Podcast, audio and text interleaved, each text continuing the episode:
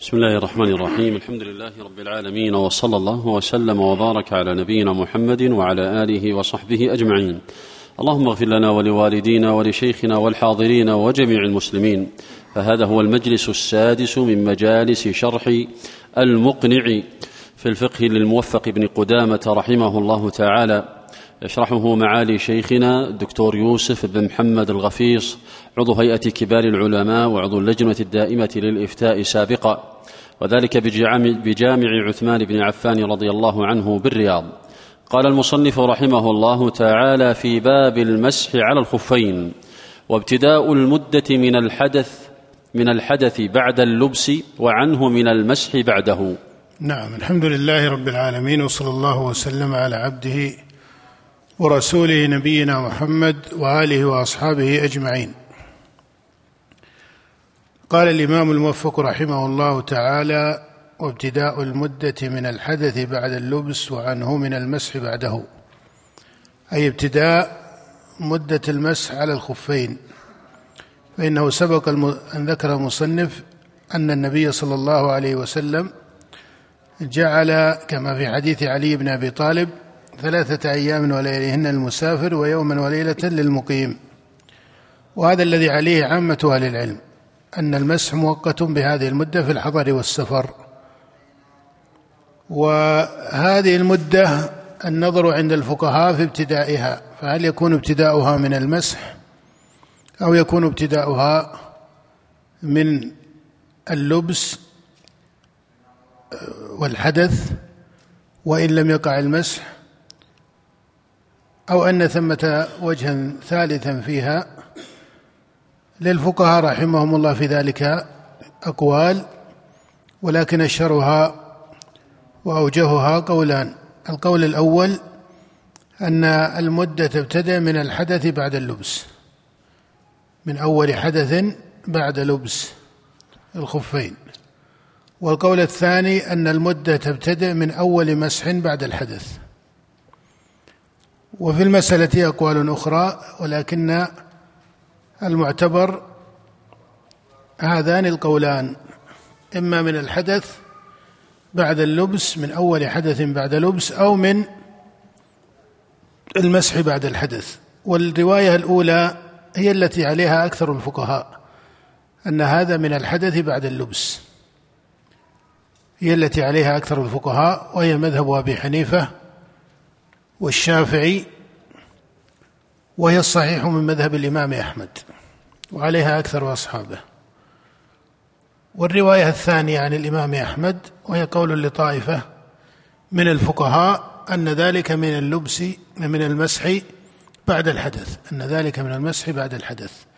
هذه المسألة ليس فيها نص ليس فيها نص وإنما هو فقه في حديث علي ونحوه جعل رسول الله صلى الله عليه وسلم ثلاثة أيام ولياليهن للمسافر ويوما وليلة للمقيم.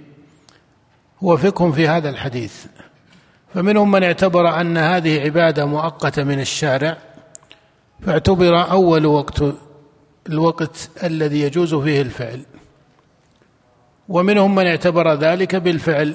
وأنت ترى أنك إذا قلت إنها عبادة مؤقتة فتعتبر بأول وقتها هذه مقدمة عند التحقيق مشتركة بين القولين أليس كذلك؟ إذا قيل إنها عبادة مؤقتة وهي كذلك والعبادة المؤقتة من الشارع تعتبر بأول وقتها قيل هذه مقدمة صحيحة ولكنها مجملة ومشتركة بين القولين فهل الاعتبار هل الاعتبار بوقتها بالقوة أو الاعتبار بوقتها بالفعل. هل الاعتبار بوقتها بالقوة؟ فإن قلت إن الاعتبار بوقتها بالقوة أي ما يكون محلا للمسح في تطبيق هذه العبادة فهذا من الحدث. لأن ما قبل الحدث لو فعله كان تجديدا أليس كذلك؟ لو أنه توضأ وغسل قدميه ولبس الخفين ثم مسح بعد ذلك قبل أن يحدث فإنما هو تجديد للوضوء وليس رفعا للحدث. فإذا ابتداؤها من الحدث وإلا فقد قالت طائفه من الفقهاء من أول مسح ولو كان تجديدا ولكن هذا بعيد. هذا قول بعيد. إنما المعتبر والمتوجه أحد هذين القولين إما أن الوقت ابتداؤه بالقوة أو أن الوقت ابتداؤه إما أن الوقت ابتداؤه بالقوة أو ابتداؤه بالفعل. فإذا قلت القوة فمعناه من الحدث وإذا قلت الفعل فمعناه من المسح بعد الحدث.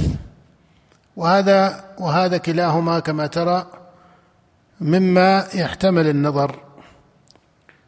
ولذلك فهذه المسألة من المناسب فيها الأخذ بأحوط القولين ولا سيما أن هذا في باب الرخص. أن هذا في باب الرخص. واعتبار الفقيه وطالب العلم بل حتى العامي اعتباره بالأحوط هذا يتجه في مثل هذا النوع من المسائل التي ليس فيها معتبر من الاستدلال أقوى من مثل هذا النظر أو ما هو من مادته أو ما هو من مادته وإلا فمن استدل بذلك قالوا لأنها عبادة مؤقتة اعتبر أول الوقت. حقيقة إذا قلت هذه المقدمة هي عند التحقيق مشتركة بينهما. هل المراد أول الوقت بالفعل أو المراد أول الوقت بالقوة؟ وهذا وإن كان المصطلح يستعمله أهل المنطق في الأصل لكن يستعمله بعض الفقهاء حتى المائلين عن المنطق كالحافظ بن رجب رحمه الله. مع أنه مائل عن طرق علم الكلام والمنطق والنظر فيها إلا أنه استعمل مثل هذا التعبير في قواعده الفقهية. فترى في القواعد الفقهية للحافظ بن رجب ترى مثل هذا التعبير في بعض المسائل والقواعد الفقهية. المقصود أن القوة والفعل أمر متحقق سواء سميته بهذا الاصطلاح ولم تسمه. وعليه فهذه المسألة الجمهور فيها وهو الراجح في مذهب أحمد أنه من الحدث. وهذا القول أحوط. وليس في القول الثاني ما يقويه عن هذا. نعم. قال ومن مسح ومن مسح مسافرا ثم أقام أتم مسح مقيم. ومن مسح ومن مسح مسافرا ومن مسح مسافرا. ولا سيما أن الرواية الأولى كما قلت هي الذي عليه الجماهير، الرواية الثانية يذكرونها من مفردات المذهب. ومن مسح مسافرا ثم أقام أتم مسح مقيم. وهذا لا إشكال فيه وعليه العامة من أهل العلم. وعليه العامة من أهل العلم بل حكي فيه الاتفاق أنه إذا مسح مسافرا ثم اقام اتم مسح مقيم.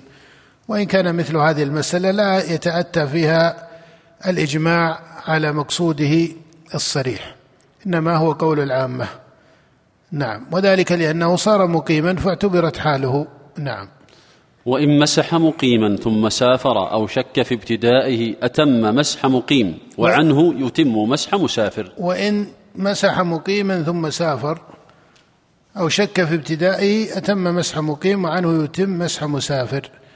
إذا مسح مقيما ثم سافر قال المصنف أتم مسح مقيم. مع أنه قد يتأتى في أوائل النظر أن القياس أن القياس أنه يتم مسح مسافر لأنهم قالوا في المسألة الأولى إنه إن مسح مسافرا ثم أقام أتم مسح مقيم فكذلك عكسه. وهذا ليس بلازم في القياس. هذا ليس بلازم في القياس هذا من جهة. ومن جهة ثانية أن هذه المسألة لا تعتبر بالقياس في أصلها لأنها من باب الرخص والعبادات المحضة. واختلفت الرواية عن الإمام أحمد على روايتين مشهورتين التي عليها أكثر الأصحاب هي الأولى أن من مسح مسافرا أن من مسح مقيما ثم سافر فإنه يتم مسح مقيم وهو الأقل. وهذه عليها أكثر الأصحاب. والرواية الثانية أنه يتم مسح مسافر وهذه يقويها في مذهب الإمام أحمد وإن لم تكن هي الاصطلاح في المذهب عندهم وليس عليها الأكثر لكن نصرها كبار من محققي أصحاب أحمد. نصرها كبار من محققي أصحاب أحمد منهم أبو بكر الخلال. فإنه انتصر لهذه الرواية انتصارا بالغا. انتصر لهذه الرواية أنه يتم مسح مسافر. قال لأن العبرة بما هو عليه. قال لأن العبرة بما هو عليه. فكما أنه يتم مسح مقيم إذا سافر ثم أقام فكذلك هنا العبرة بما هو عليه. العبرة بما هو عليه. فانتصر لها أبو بكر الخلال وذكر أن أحمد نص عليها في آخر أمره ونقلها عنه كثيرون. وانتصر لها كذلك طائفة من أصحاب أحمد بعد أبي بكر الخلال كأبي الخطاب وأبي بكر عبد العزيز ونحو هؤلاء. وهذه في أول النظر أشبه كما ترى باعتبار الأخذ بحاله هنا وحاله هنا. أما الرواية الأولى وهي المشهورة من مذهب الإمام أحمد فوجهها أن حاله مترددة أن حاله مترددة بين اعتبار مدة الإقامة أو اعتبار مدة السفر فإنه تلبس بالمدة وهو مقيم. أليس كذلك؟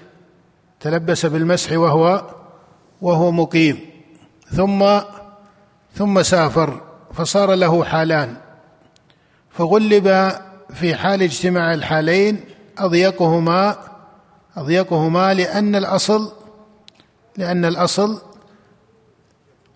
هو غسل القدمين.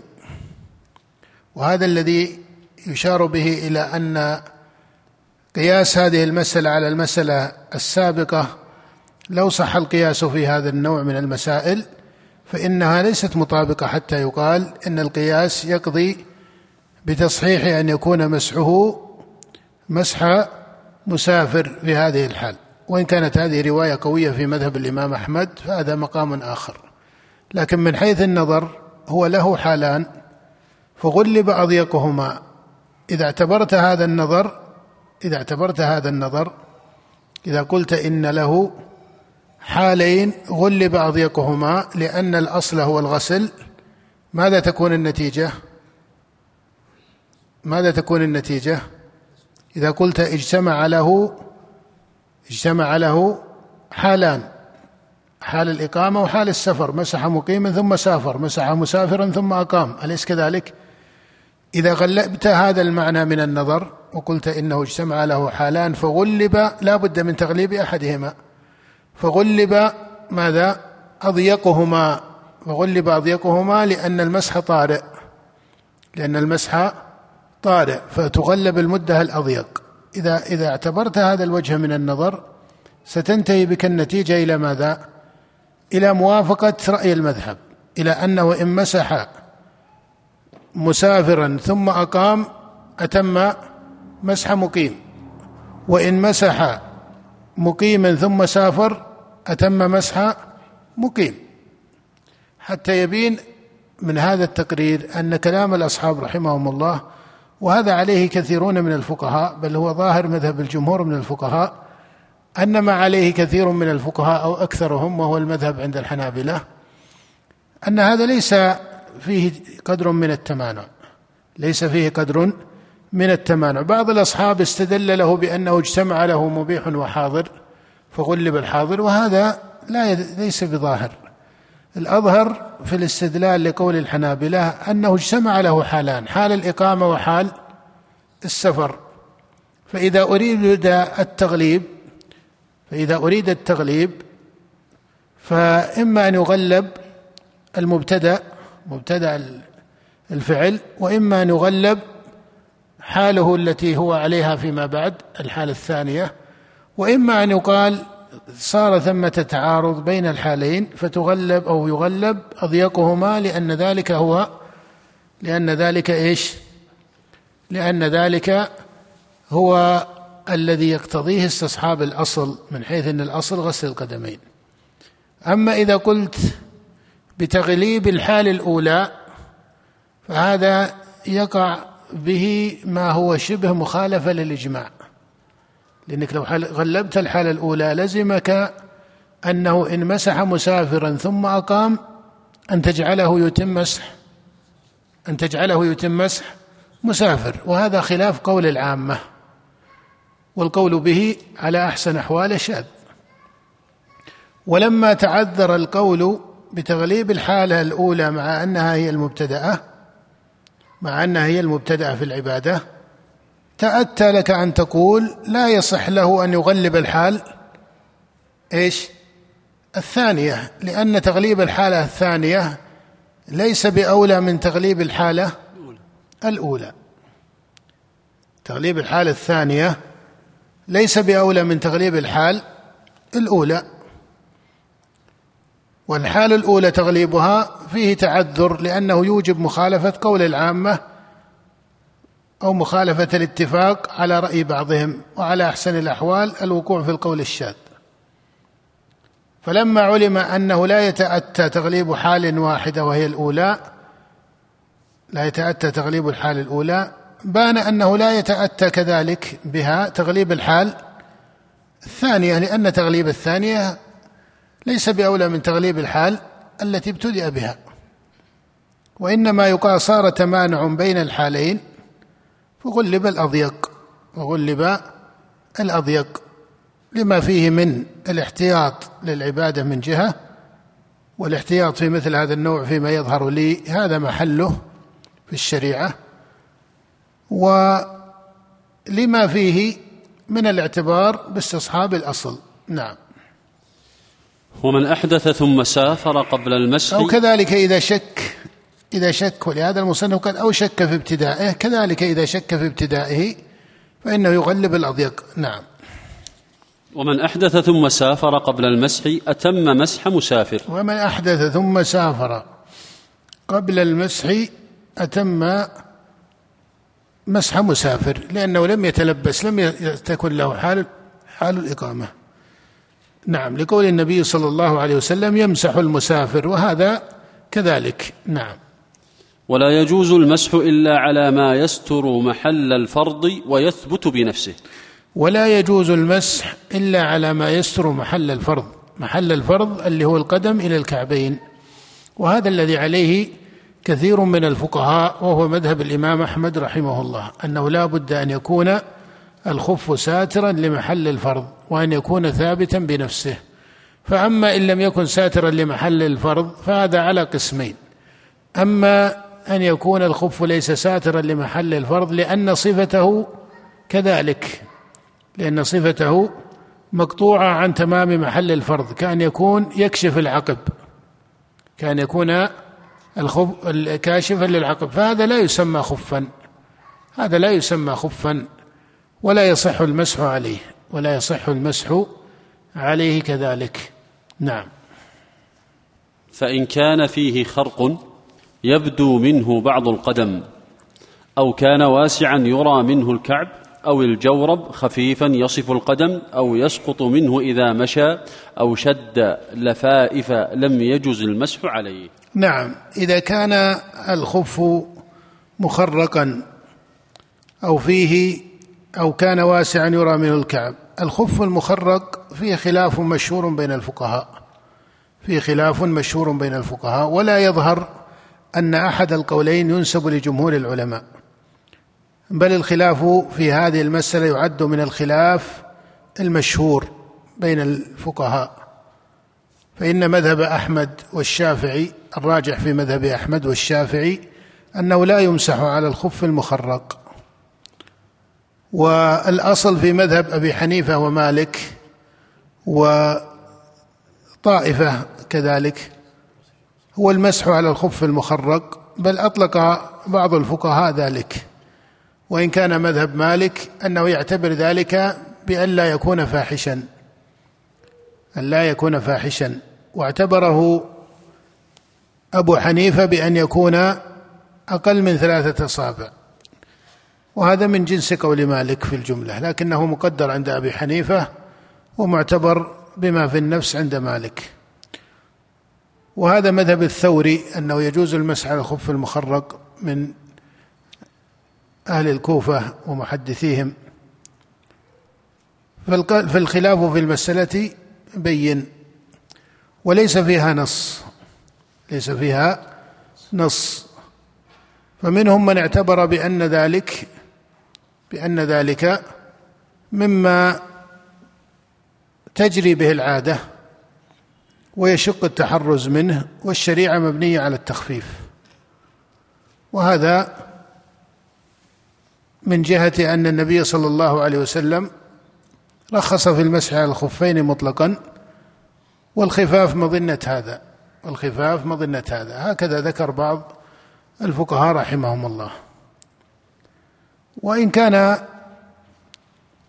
مثل هذا فيما يظهر أنه ليس متجها لأن كون الخفاف مظنة لهذا أو يغلب فيها هذا هذا يحتاج إلى إثباته خلاف الظاهر. لأن الخفاف تكون من الجلد ومن المواد المسبوكة بقوة والمصنوعة بقوة. ليست كالجوارب والبحث هنا في الخفين لأنك تعلم أن الجمهور ما أجازوا أصلا المسح على الجوربين.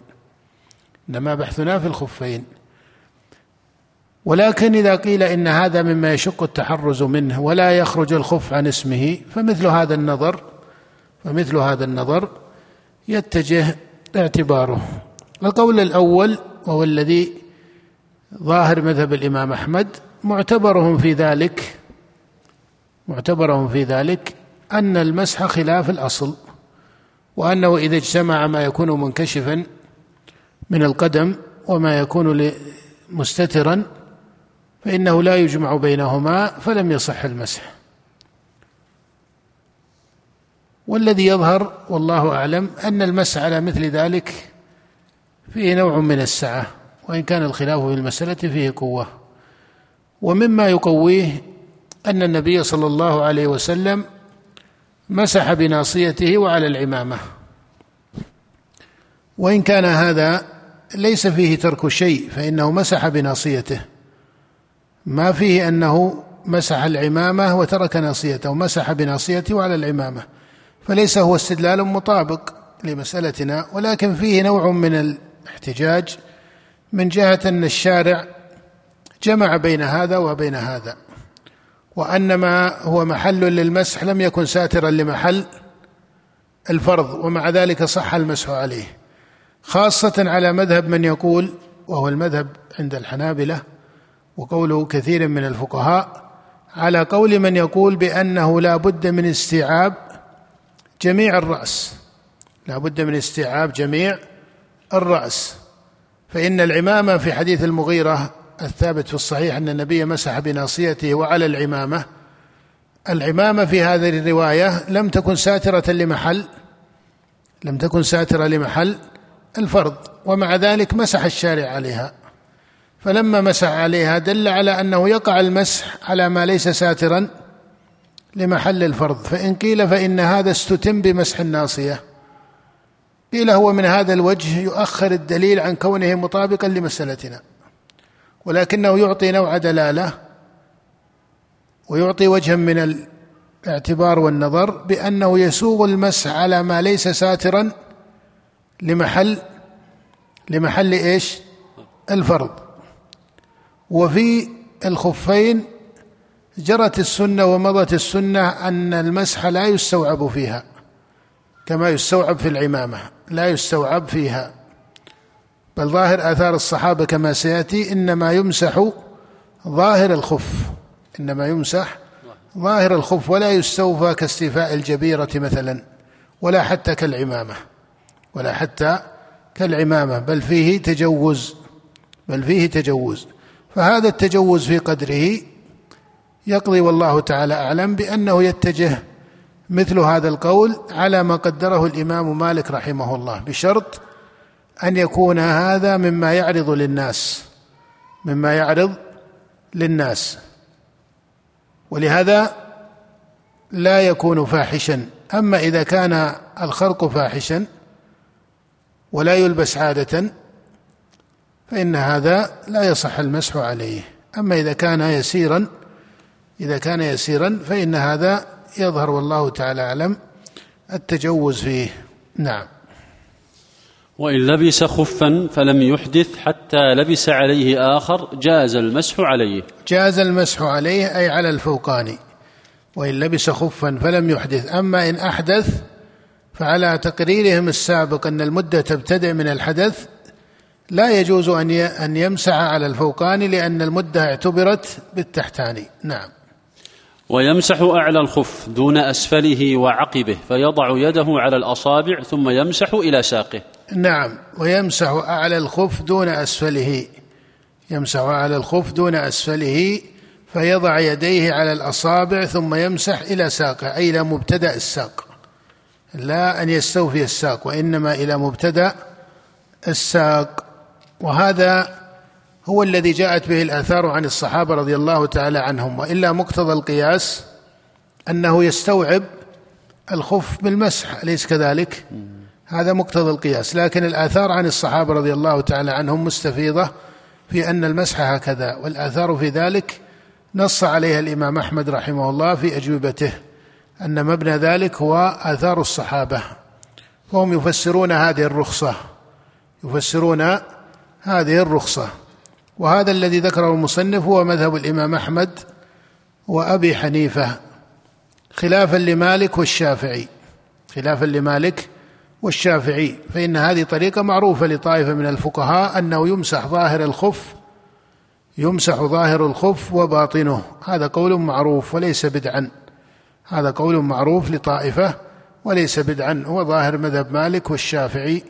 وجملة من الفقهاء ولكن الأظهر هو الأول ويروى فيه أثر علي رضي الله تعالى عنه لو كان الدين بالرأي فهذا مما قاله علي رضي الله تعالى عنه وفيه آثار عن جملة من الصحابة ذكرها الإمام أحمد في بعض أجوبته ومما ينبه إليه هنا أن رأي الإمام أبي حنيفة وقع هكذا مع أن ظاهر القياس ومقتضى القياس لولا ذلك إيش؟ أن أن يكون المسح الظاهر والباطن. أليس كذلك؟ قياسا على الجبيرة وعلى مسح الرأس فإنه يستوعب. ولكن ولأن الأصل في القدم الغسل ظاهرا وباطنا.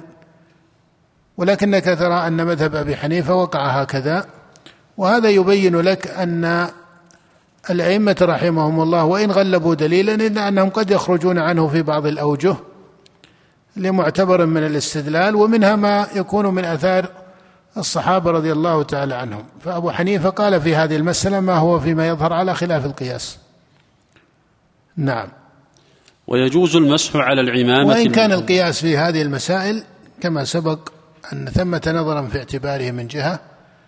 وأيضا أن القياس الذي يرد على مثل هذا النوع من المسائل هو من قياس الشبه هو من قياس الشبه. وإذا قلت إنه من قياس الشبه قد يتجه فيه قد يتجه فيه أن هذا مقتضى القياس وقد يقال مقتضى القياس أن يمسح الظاهر فقط. أشبه ما لو مسح على آه، رأسه ونحو ذلك. فعلى كل حال هذه مسألة من ليست من صريح القياس. نعم. ويجوز المسح على العمامة المحنكة إذا كانت ساترة لجميع الرأس إلا ما جرت العادة بكشفه. ويجوز المسح على العمامة المحنكة إذا كانت ساترة لجميع الرأس. إذا كانت ساترة لجميع الرأس. قال إلا ما جرت العادة بكشفه. وهذا مذهب الإمام أحمد. وهذا مذهب الإمام أحمد. وقول للإمام مالك رحمه الله خلافا للشافعي وأبي حنيفة. خلافا للشافعي وأبي حنيفة والحجة فيه حديث المغيرة. الثابت في الصحيح أن النبي صلى الله عليه وسلم مسح بناصيته وعلى العمامة. فثبوت المسح على العمامة جاء في حديث يعلى بن أمية وجاء في حديث المغيرة وجاء في حديث بلال وكلها في الصحيح. فالمسح على العمامة ثابت بسنن صحيحة من غير وجه عن النبي صلى الله عليه وسلم. ولهذا طريقة أهل الحديث كأحمد ونحوه فيه أجود من طريقة كثير من الفقهاء الذين لم يرخصوا في المسح على العمامة فمذهب الإمام أحمد بين في ذلك والدليل فيه بين. ولكن المصنف يقول إذا كانت ساترة لجميع الرأس إلا ما جرت العادة بكشفه. وهذا يقوي أنه يجوز المسح على الخف ليش؟ المخرق لأن العادة في الجوارب خاصة والمذهب يجيزون المسح على الجوارب. العادة في الجوارب أنه يقع فيها هذا الانشقاق أليس كذلك؟ نعم. الغالب على حال الناس أن الجوارب يدخلها الانشقاق الجزئي نعم ولا يجوز على غير المحنكة إلا أن تكون ذات ذؤابة فيجوز في أحد الوجهين المذ... العمامة على ثلاثة أوجه إما أن تكون مصمتة أي ليس لها حنك ولا ذؤابة ليست محنكة ولا ذات ذؤابة فهذه المذهب لا يرون المسح عليها. ويقولون إنها ليست من عمائم المسلمين في الأصل وإنما كانت من عمائم أهل الذمة.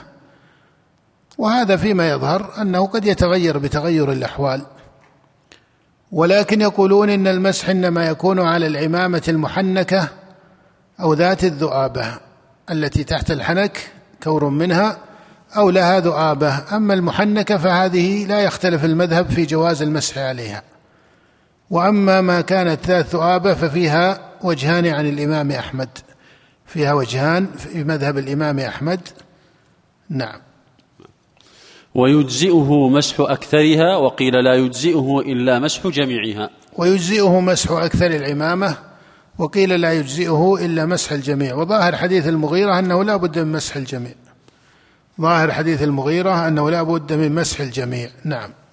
ويمسح على جميع الجبيرة إذا لم تتجاوز قدر الحاجة. يمسح على جميع الجبيرة. الجبيرة تستوعب بالمسح. الجبيرة تستوعب بالمسح لأن هذا هو الأصل. لأن هذا هو الأصل. فتستوعب الجبيرة بالمسح. وقيدها المصنف بقوله إذا لم تتجاوز قدر الحاجة. وأنت تعرف أن ثمة ما هو تحسيني وما هو حاجي وما هو ضروري. فإذا كانت الجبيرة على قدر الضرورة فهذه لا جدل أنه يمسح عليها عند من يسوغ المسح على الجبيرة. وإلا طائفة من الفقهاء لا يرون المسح على الجبيرة أصلا ويرون التيمم. لكن من يرى المسح على الجبيرة فبقدر الضرورة يجوزون ذلك. وهكذا اشترط بعضهم ممن يقول بالمسح على الجبيرة وهو القول الراجح أن المسح على الجبيرة جاء في السنة. أن المسح على الجبيرة جاء بالسنة كما في حديث صاحب الشجة. وإن كان الحديث حديث جابر متكلم فيه لكن احتج به الإمام أحمد رحمه الله. وأما إذا كان ليس موضع الضرورة وإنما موضع الحاجة وأنت تعرف أن هذا أوسع أليس كذلك؟ فهذا أيضا على الراجح وهو المذهب عند الحنابلة أنه يجوز المسح على الجبيرة إذا كانت على قدر الحاجة ولو لم تكن على قدر الضرورة ونص الإمام أحمد على أن الضرورة لا تنضبط في هذه المسائل وهذا من فقهه رحمه الله قال إن هذا شديد على الناس ولا ينضبط أمره. اللي هو تقدير الجبيرة بإيش؟ بقدر بقدر الضرورة. ولا يناسب حال الناس وصحتهم ومداواة جرحاهم وما إلى ذلك. وإنما يقال إن ذلك معتبر بما هو من الحاجة. وهذا المناسب لنظر الشريعة ويسر الشريعة. لهذه الأحوال العارضة من أحوال المكلفين التي ينقص فيها أو تنقص فيها استطاعتهم. والله يقول لا يكلف الله نفسا إلا وسعها. ولو ألحق ذلك بقدر الضرورة ورتب عليه الصحة والبطلان لضاق على الناس إتيان هذه العبادة على وجه الصحيح. وهذا نص عليه الإمام أحمد في بعض إجوبته. أما إن كان ذلك تحسينيا وهل يقع هذا التحسيني؟ هل يقع هذا التحسيني؟ نقول هذا ليس هو الغالب على الناس لكن أحيانا يقع. أحيانا يقع. أحيانا بعض الذي يكون عنده مثلا انحراف أو شيء ويكون هادئ البال وقت إجراء الجبيرة عليه قد يكون يهتم بحاله وزينته. قد أحيانا يقول للطبيب أو المختص في هذا قد يقول له زد من هنا شوي عشان يكون الشكل إيش؟ ممتد إلى هكذا أو إلى هكذا كنظر إلى الشكل ليس إلى الحاجة. دخل في ماذا؟ دخل في جانب ماذا؟ في جانب التحسيني أحيانا يعرض هذا لبعض الناس. فإذا قدره على معنى تحسيني في نفسه لم يصح. إذا قدر زيادة في الجبيرة على معنى تحسين في نفسه لم يصح. أما إن قال إن الألم يمتد عن محل الكسر وأن هذه المنطقة يؤلمه لو لمسه أحد أو إذا لمس احتك بشيء فأراد طلب منه أن يزيد حتى بس ينفك عن هذا الألم أو رأى صاحب الاختصاص من الأطباء أن هذا أصلح هذا قد يدخل في الضرورة إذا قدره الطبيب. لكن حتى لو قدره صاحب الحال وقال له الطبيب إن هذا لا يلزم لكن قال إن هذا يؤلمه وهذا أدعى إلى سلامته وارتياحه. فهذا يدخل في باب على الأقل يدخل في باب إيش؟ الحاجة. نعم. ومتى ظهر قدم الماسح أو راسه أو رأسه أو انقضت مدة المسح؟ استأنف الطهارة وعنه يجزئه مسح رأسه وغسل قدميه. ومتى ظهر قدم الماسح؟ أي بعدما مسح وإلا لو كان قبل أن يمسح فإنه لا يضره لأن الطهارة معتبرة بالوضوء الأول. ومتى ظهر قدم الماسح؟ أو رأسه أو انقضت مدة المسح استأنف الطهارة. إذا ظهر قدمه بعدما مسح أي بعد حدث أما إن ظهر قدمه بعد مسح لتجديد لم يضر أليس كذلك؟ وإنما إذا مسح بعد حدث. أو الرأس كما في العمامة إذا ظهر رأسه في مسحه على العمامة بعدما مسح على العمامة من حدث. أو انقضت مدة المسح تم اليوم والليلة في حق المقيم أو الثلاثة بلياليهن للمسافر. الحكم قال المصنف استأنف الطهارة أي يكون طهارته تبطل طهارته عندهم. وعنه يجزئه مسح رأسه في العمامة إذا إذا زالت العمامة أو انكشفت وغسل القدمين في الخفين. هذه المسألة فيها أقوال للفقهاء ذكر المصنف منها قولين وهما روايتان عن الإمام أحمد والقول الثالث وهو مشهور في المسألة أن طهارته لا تبطل مطلقا ولا يلزمه شيء. أن طهارته لا تبطل بمثل هذا مطلقا لا تبطل طهارته بانقضاء مدة المسح ولا تبطل طهارته بانكشاف قدمه بعد المسح بعد الحدث. وكذلكم الرأس في مسح العمامة والقول الثاني أنه يغسل القدمين وهذا يتفق أو يتخرج على قول من يقول يتجه أكثر على قول من يقول بماذا؟ بعدم اشتراط الموالاة بعدم اشتراط الموالاة فهذا أشبه بطريقة من يقول بعدم اشتراط الموالاة هكذا علله بعض الفقهاء أن هذا يتخرج على طريقة من يقول بعدم اشتراط الموالاة والذي يظهر والله تعالى أعلم أن الفقهاء والأئمة الذين قالوا بعدم اشتراط الموالاة وإن لم يقدروا ذلك بما قدره مشترط الموالاه من أنه لا ينشف العضو حتى يغسل الذي بعده لا ينشف العضو السابق في المدة المعتادة. الذين قالوا بعدم اشتراط الموالاه لا يظهر أنهم يقصدون عدم اشتراط الموالاه على الأبد على الإطلاق على الإطلاق بمعنى لو طالت المدة لو غسل وما بقي إلا غسل القدمين ثم انصرف عن وضوئه ثم انصرف عن وضوئه من بعد طلوع الشمس إلى الظهر أنه يمديه أنه إيش؟ أنه يرجع ويستكمل. هذا الجزم به الله أعلم. ما يظهر أن هذا هو المقصود. أو في مثل مزدة المسح. أنه يجلس ثلاثة أيام بلياليهن ثم بالأخير يقال إيش؟ إنما جاز له أن يغسل القدمين لأن الموالاه ما تشترط. فمعناه أنه جلس في فصل الأعضاء كم؟ ثلاثة أيام. هذا ما يظهر أنه مبنى عند أحد من المتقدمين وإن نص عليه بعض المتأخرين وخرج عليه. انما عدم اشتراط الموالاه إنه لا يقيدونه بالتوالي المعتاد لكنه لا يكون تفريقا فاحشا باليوم واليومين إلى ثلاثة أيام كما في مسح المسافر. المقصود أن هذه المسألة فيها ثلاثة أقوال للفقهاء هذه الأقوال الثلاثة هي أشهر ما قيل في المسألة. والقول الأول وهو أنه يستأنف الطهارة هذا هو المشهور من مذهب الإمام أحمد رحمه الله هذا هو المشهور من مذهب الإمام أحمد رحمه الله لأنها رخصة من الشارع علقت بهذه الصفة وهي المسح. فإذا زال المسح أو زال بانقضاء مدته انتهى هذا الترخيص من الشريعة.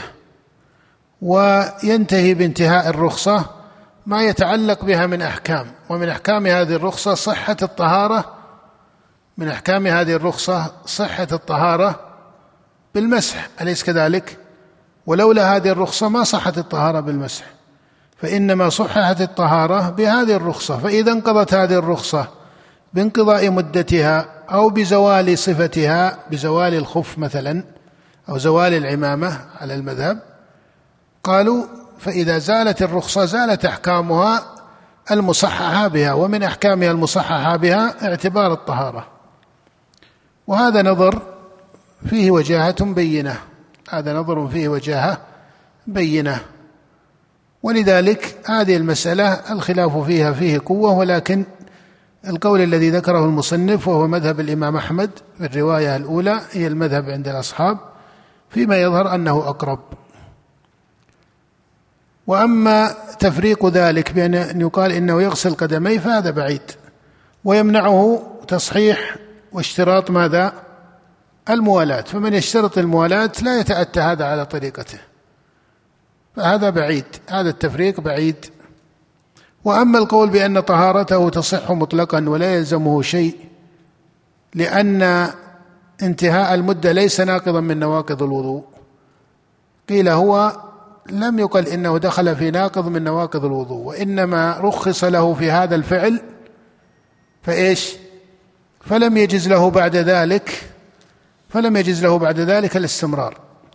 ألا ترى أنه لا يصح له أن يمسح على القدم بعد لا يصح له أن يمسح على الخف بعد انقضاء المدة؟ أليس كذلك؟ نعم.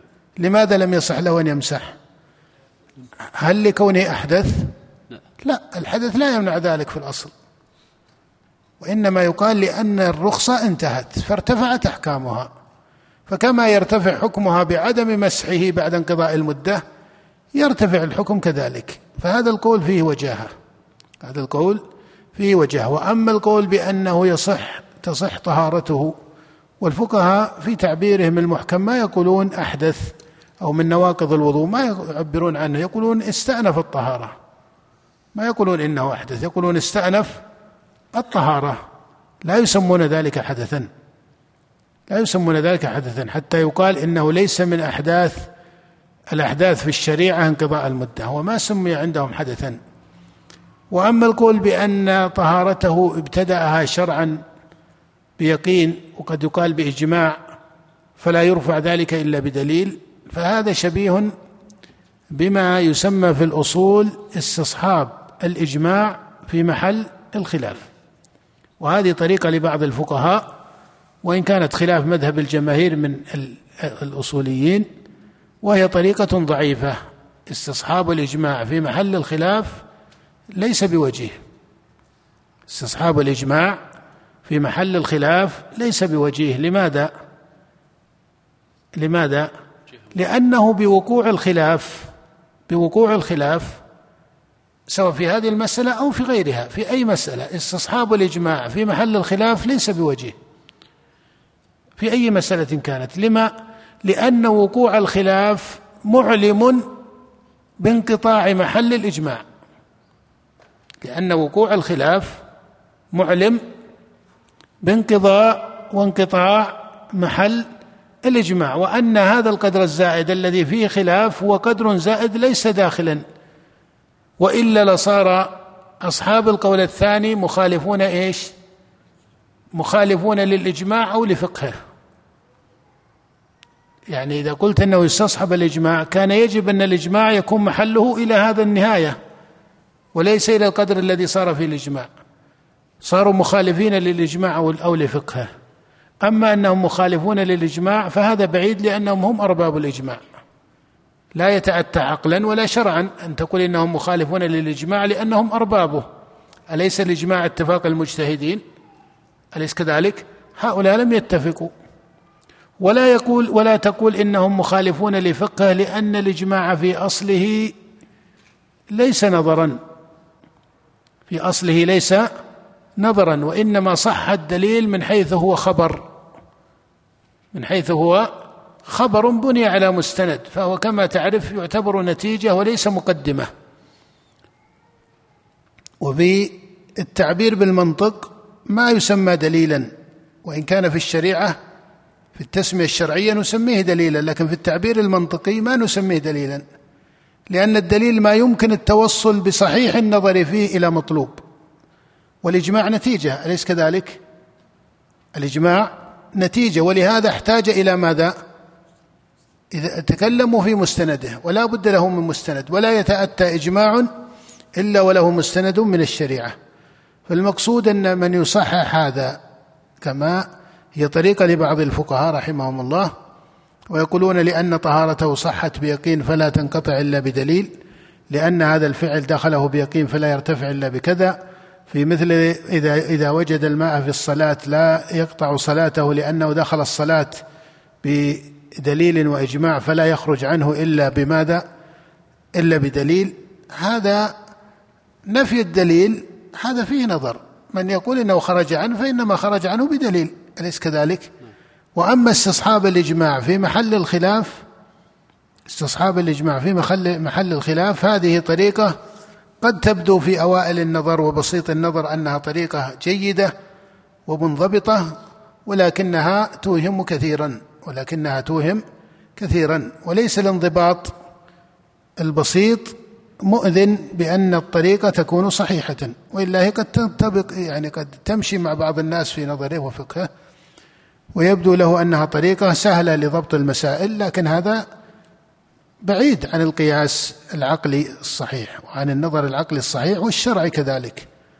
ويكفي في هذه الجملة أن استصحاب الإجماع في محل الخلاف خطأ من جهة دليل العقل والشرع لأن الإجماع حجة وهم أرباب الإجماع من جهة دليل الشرع ومن جهة دليل العقل وقياسه فإنك تقول إن وقوع الخلاف مؤذن ومعلم بما بانقضاء محل الإجماع. نعم.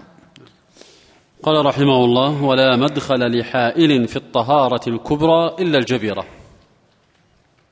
بل, بل, بل إن الاختلاف يكاد يكون دليلا على عدم دخول المسألة أو على العكس الاختلاف دليل على أن المسألة ليس بانقضاء محل الإجماع فحسب بل بانقضاء محله وبأن المسألة الثانية مسألة إيش؟ لا تقبل الإجماع ومنفكه عن مسألة الإجماع بوجود الخلاف فيها. نعم. قال ولا مدخل لحائل في الطهارة الكبرى إلا الجبيرة.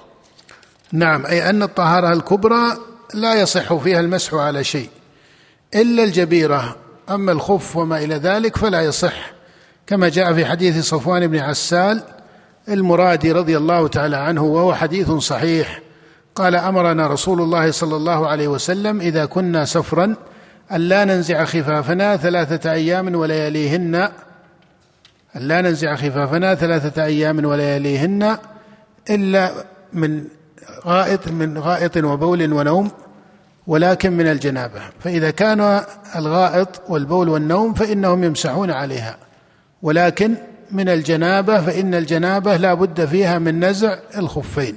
نعم. قال رحمه الله باب نواقض الوضوء. نعم. هذا حديث صفوان كما سبق حديث مصحح رواه الإمام أحمد وأهل السنن.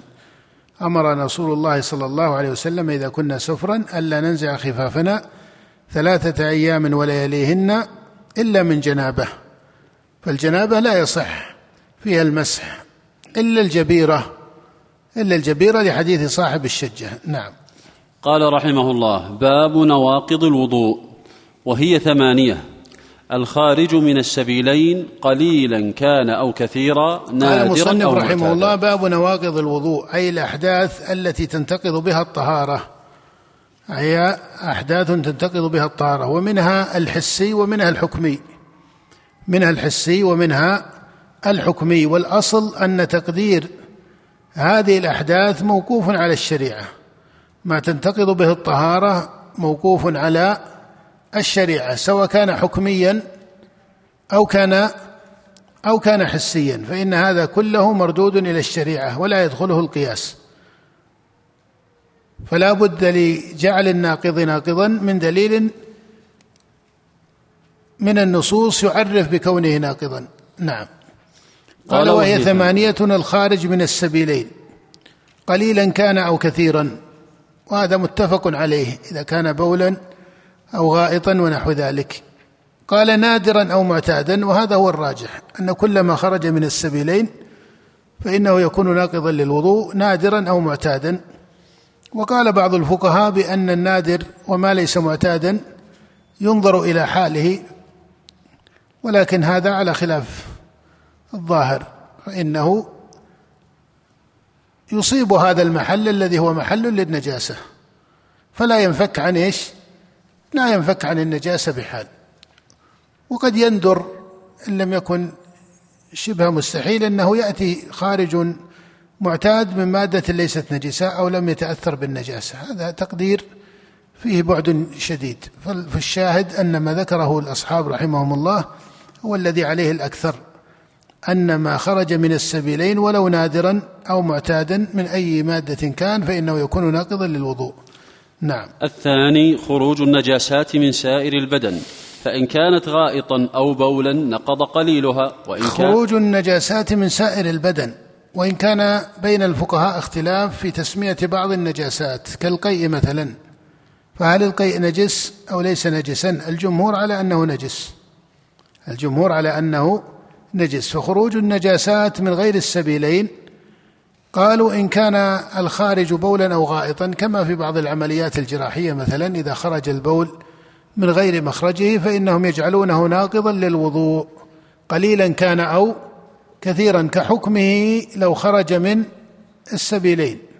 كحكمه لو خرج من مخرجه المعتاد من أحد السبيلين.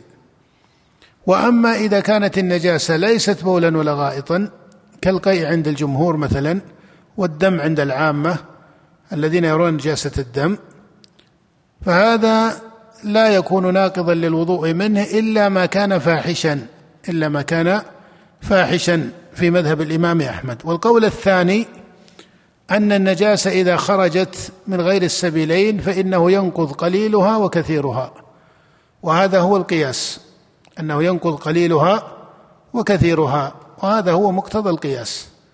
قالوا والعفو عن يسيره ليس فيه نص. العفو عن يسيره ليس فيه نص. والإمام أحمد هذا هو المتحقق في مذهبه العفو عن يسير ذلك واعتبر ذلك بآثار الصحابة رضي الله تعالى عنهم. فإنه وجد في الباب آثارا مختلفة ومتنوعة عن الصحابة رضي الله عنهم أنهم ما كانوا يتقون يسير ذلك. أنهم ما كانوا يتقون يسير ذلك. كما في يسير الدم الذي يصيب بعض يكون عن بعض البثور أو ما إلى ذلك فإنه جاء عن جملة من الصحابة منهم ابن مسعود وابن عمر وابن عباس وأنس أنهم ما كانوا يتقون ذلك. وهذا معتبر الإمام أحمد رحمه الله في هذا التخصيص. هذا معتبر الإمام أحمد في هذا التخصيص. وإن كان القياس على خلاف ذلك والخلاف في المسألة مشهور. أما تحديد أنه نجس أو ليس نجسا فهذا باب آخر. وأنت تعرف أن القيا فيه خلاف ولكن قوى الاعتبار أنه جاء في حديث ثوبان رضي الله تعالى عنه وجاء من حديث أبي الدرداء كذلك أن النبي صلى الله عليه وسلم قاء فتوضأ. هذا رواه أبو الدرداء وصدقه ثوبان وقال أنا صببت له وضوءه قال أنا صببت له وضوءه. وهذا حديث صححه الإمام أحمد رحمه الله وقال حديث ثوبان حديث صحيح. وهو أقوى حديث في الباب ونص الإمام أحمد على كلمتين فيه على أنه أقوى حديث في الباب وهذه ليست مفصحة بالتصحيح لكنه نص في بعض جوابه أيضا على أنه حديث صحيح. وهذا هو معتبره في أن القيء يتوضأ منه. نعم. وإن كانت غيرهما فلم ينقض. لأنه لأنه لم يعتد من الشارع أنه يتوضأ مما ليس مما ليس نجسا. لو لم يكن ناقضا للوضوء لغسل الفم لكان مظنة غسل الفم أو التنزع عنه. ولهذا النخامة مثلا وإن كانت مما يتقذر ما نقل إيش؟ الوضوء عنها. فلما توضأ من ال من ذلك ظهر من هذا الوجه أن ذلك على سبيل أنه ناقض. على سبيل أنه ناقض. وإن كان هذا ليس مما يقطع به لأنه يحتمل أن النبي صلى الله عليه وسلم لما قال توضأ على سبيل استجماع قوة البدن. فإن الوضوء مما يقوي البدن ويشده وقد يكون له حدث سابق. قد يكون له حدث سابق فهذه على كل حال واقعة عين. ليس فيها عموم وليس فيها ما يقتضي ذلك جزما. ولكن هذا مما هو محتمل. وفي مثل هذا النوع من المسائل الأولى بالمسلم أنه يتقي مثل هذا الخلاف لأن هذه أمور عارضة كما تعرفون أمور عارضة إذا مسح مقيما ثم سافر إذا كذا إذا كذا هذه أمور عارضة وليس فيها نص يقطع به أو يكون فيها نص فيه احتمال كحديث ثوبان فالاحتياط في مثل هذه المادة فيه وجاهة. الاحتياط في مثل هذه المادة ولا سيما أن الاحتياط ليس فيه تعدي. ليس فيه تعدي ليس فيه تضييق للأحكام ومشقة على المكلفين. نعم.